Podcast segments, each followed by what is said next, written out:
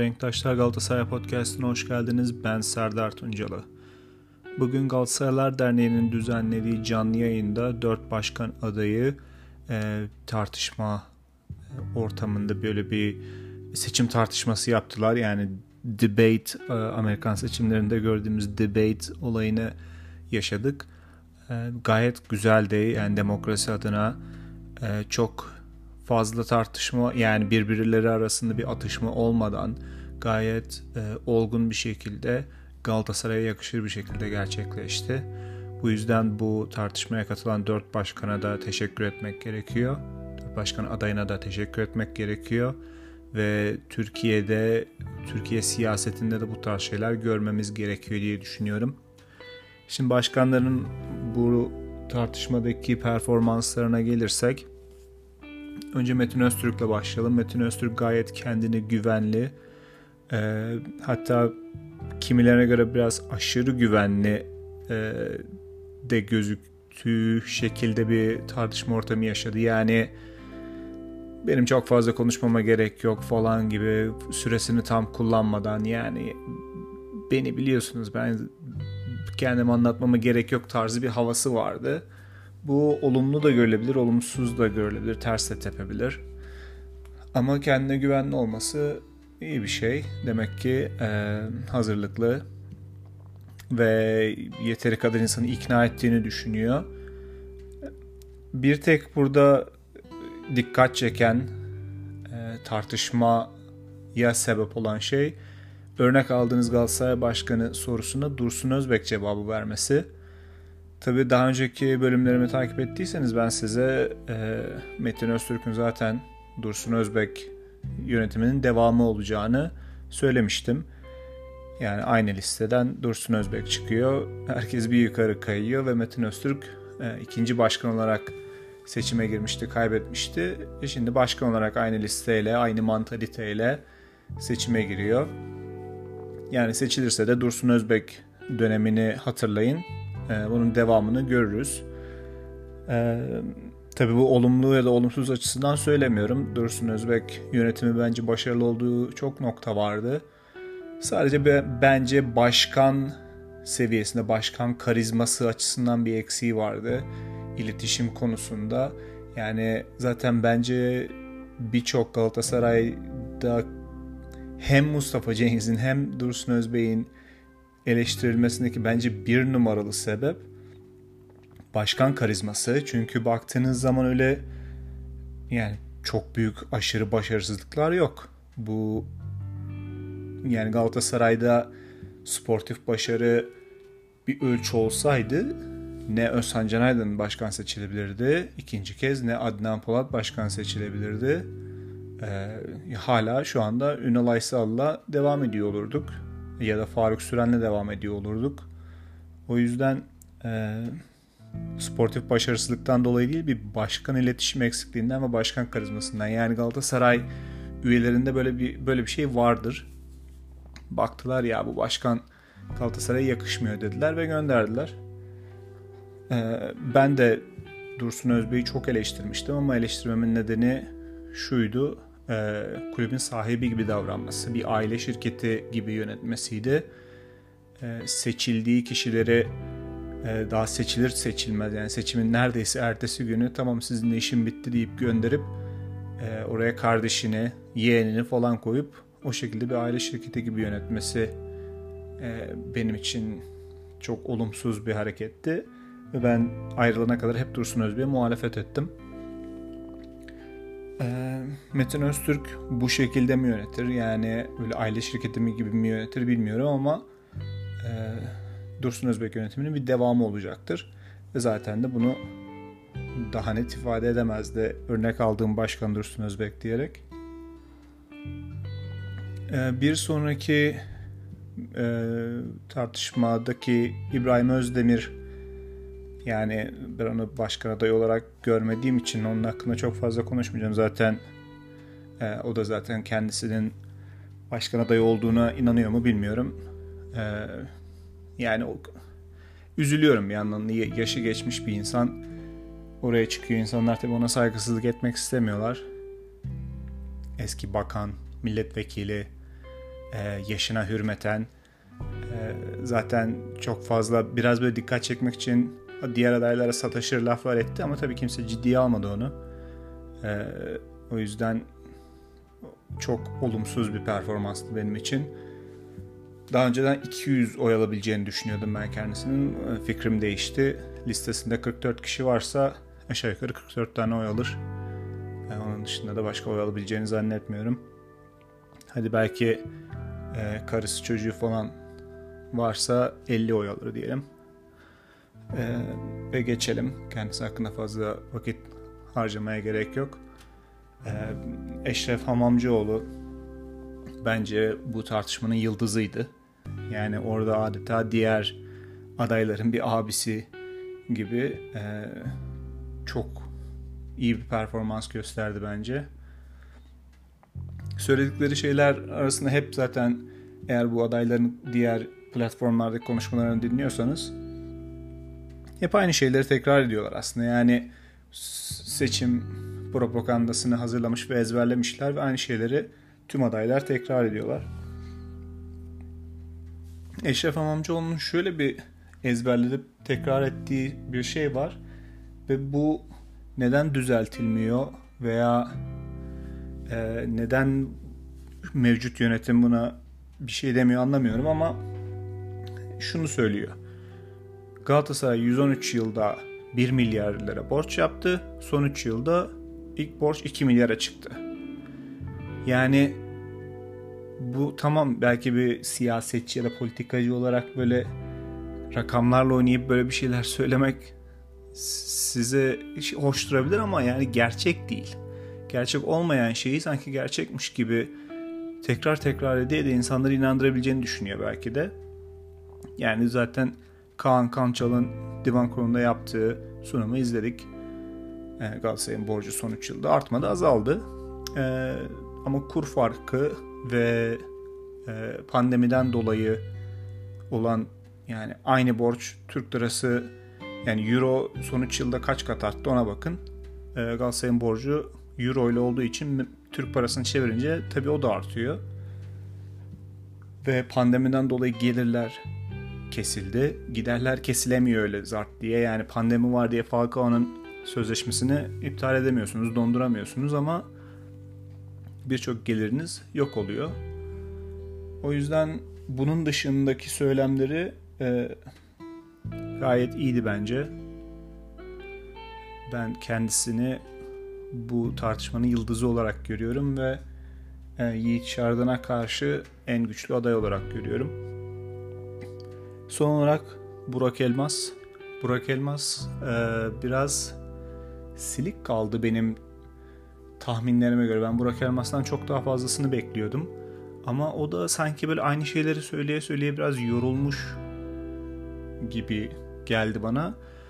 Burak Elmas'ın konuşmasında şunları görebilirsiniz. Tabii geçmişinde e, profesyonel yöneticilik, CEO'luk tarzı şeyler olduğu için Burak Elmas çok iyi e, interview yani bir, sanki sürekli bir iş görüşmesindeymiş gibi bir hali var ve e, iş görüşmeleri nasıl yapılır falan diye böyle YouTube'dan bir şeyler izlerseniz orada Burak Elmas'ın yaptığı şeyleri görürsünüz. Hatta ben eğer bu konu hakkında bir video yapacak olsam Burak Elmas'ın konuşmasını alır, e, iş görüşmesi böyle yapılır diye örnek olarak sunarım. E, çok e, kitaptan böyle bu iş böyle yapılır diye yapıyor. İşte kendinden bahsederken işte ben Galatasaraylıyım, ben Galatasaray'da büyüdüm, gençliğimde Galatasaray'da yöneticilik yaptım. İşte 96-2000 yılları arasında, çünkü neden 96-2000 yılları arası?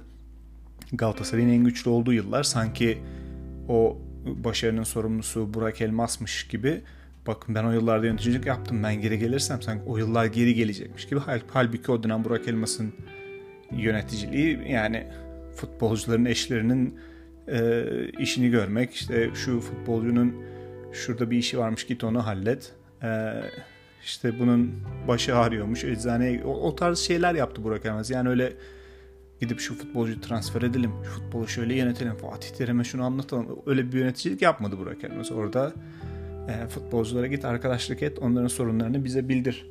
Onların işlerini gör tarzı bir yöneticilik tonu yaptığı yöneticilik. O yüzden o dönem yaptığı yöneticiliği sanki başarının arkasındaki mimar kendisiymiş gibi göstermesi e, biraz benim hoşuma gitmiyor açıkçası. Onun dışında e, projelerinden bahsetmesi, ekibinden bahsetmesi bunlar güzel şeyler. Ben bir projeyle geliyorum, e, ekibim hazır, her şeyimiz hazır e, tarzı. Tabi bu Galatasaray kongreleri buna ne kadar e, teveccüh gösterir ondan emin değilim. Daha önceki şeylerde e, bölümlerde söylediğim gibi e, genel olarak baktığımız zaman işte Yiğit Çağrı'dan katılmadı. Bence Yiğit Çağrı'nın buna katılmaması oyunu azaltmadı, arttırdı. Çünkü e, bu dört adaya baktığımız zaman şimdi bu dört aday aralarında tartışırken sanki Yiğit Çağrı'dan ya siz aranızda halledin de galibiniz gelsin gibi bir yere koydu kendini. Bence bu strateji açısından çok iyi bir hamleydi Yiğit Çağrı'dan açısından. Yani ben sizinle aynı kulvarda yarışmıyorum. Siz kendi aranızda bir yarışın. Sizin galibiniz gelsin benimle yarışsın, final oynasın tarzı bir e, konuma koydu kendini. Ki öyle de olacak. Yani insanlar Yiğit Şardan'a karşı bu üç adaydan hangisine oy versek diye düşünüyorlar. Ee, ve gerçekten de Yiğit Şardan'a karşı birleşe, birleşip Yiğit Şardan birinci, bu ikinci ya da bu üçten bir tanesi birinci, Yiğit Şardan ikinci şeklinde bitecektir seçim. Ki bir yandan da genel olarak beklentilerin altında kaldığı için bir yandan da Yiğit Şardan da oradan uzaktan bakın bana karşı getirdiğiniz adaylar bunlar görüyorsunuz da diyebilir. Haksız olmaz. E, çünkü yeni bir şey söylemedi hiçbir aday. Yani üç aday da böyle aynı şeyleri tekrar edip işte biz çok centilmeniz falan tarzı bir hareketleri vardı ama yani ben Galatasaray başkanıyım ya diyebilecek bir aday yok aralarında. Ee, şimdi genel olarak Yiğit da dahil olmak üzere adaylar arasında ben şunu görüyorum. Ee, genelde bir ya da iki adaylı, üç adaylı seçimlerde bunları pek görmezdik ama çok aday olunca öne çıkmak için biraz böyle 90'ların siyasetçisi edasıyla atıp tutmalar başladı. Yani hangisi yalanına inandırırsa o seçilecek gibi. Şimdi bakıyoruz ee, Metin Öztürk Hakan Çalhanoğlu getireceğini iddia ediyor. Eşref Amamcıoğlu Fatih Terim'le çalışacağını iddia ediyor. Burak Elmas 100 milyon dolarlık sponsorunun hazır olduğunu iddia ediyor. İbrahim Özdemir başkan adayı olduğunu iddia ediyor. Ee, yani hangisine inanacaksanız ona oy verin. Oyunuz varsa. Ben açıkçası bunların hiçbirine inanmıyorum. Ne Metin Öztürk Hakan Çalhanoğlu'na getirebilir. Ne e, Burak Elmas 100 milyon dolarlık bir sponsor getirebilir. Ne de Eşref Amamcıoğlu Fatih Terim'le çalışır. E, ne de İbrahim Özdemir başkan adayı olabilir ya da ciddi bir oy alabilir. Yiğit Şardan'a gelince de Yiğit Şardan çok fazla böyle vaat sunmadığı için onun vaat yalanı değil de sanki bu seçimin iptal olup onun tekrar aday çıkması bir strateji değilmiş gibi davranması da onun e, yalanı diyeyim. Yalan demek hoşuma gitmiyor ama şu an kelime bulamadım. Yani iddiası diyeyim. Yani herkes biliyor ki dışarıdan aday olmasının arkasında işte seçimin iptal edilip yani bir hile gibi bir şeyle aday oldu. Demokratik olmayan bir yolla aday oldu. Ee, ama onun dışında böyle yalan bir iddiası vaati görmedim ben Yiğit Şardan'dan. Ee, bakalım hangi aday daha çok insanı ikna edecek. Biraz bu işler Twitter'da yazdığı gibi değil e, ya da bu konuşmaları ikna etmediği birebir pazarlıklarla çözülür. Şimdi bir grubun 200-300 oyu vardır. onu ikna edersiniz, bir, bir şey vaat edersiniz, bir pazarlık yaparsınız. O 200-300 oyu hop bir adaydan başka bir adaya geçer. Seçimin sonucu değişir. Bildiğim kadarıyla Metin Öztürk bu pazarlıkları şu an yapıyor. Ee, ikna ettiği kişiler de var. Yani Eşref Amamcıoğlu ne kadar yapıyor bilmiyorum ama o da daha önce ikna etmeye çalıştığı gruplar vardı. Zaten onun arkasında ve yönetiminde olan kişilere bakınca böyle bir bin oyu hazırmış gibi geliyor bana. Seçime ilgi de ne kadar olacak o da önemli. Bir de Yiğitşar'dan kaç kişiyi normalde yani seçime gelmeyecek benim hep hesaplarım 3500 o üzerinden de o 3500 kişinin dışında kaç kişiyi seçime gelip kendisine oy vermesi konusunda ikna edecek onu merak ediyorum. Burada Abdurrahim Albayrak muhtemelen çok çalışıyordur bu konuda. Yani eğer 4500-5000 kişi falan gelirse seçime e, Yiğitşar'dan alabilir bu seçimi. Ama 3500'de kalırsa Yiğitşar'dan belki 1000 oy alır. O 1000 oyunun da yeteceğini zannetmiyorum. E, belki 1300-1400 öyle seçilebilir başkan. Bakalım. E, bugünlük bu kadar. Başkan adaylarının bu e, tartışmasını yorumlamak istedim. Seçime yaklaşınca yine yeni bölümlerde gelişmeleri konuşuruz ve hangi adayın daha fazla şansı var onun analizlerini sizinle paylaşırım. Lütfen bu podcast'i paylaşın ve daha çok kişiye ulaşalım. Galatasaray gündemini birlikte değerlendirelim. Hoşçakalın.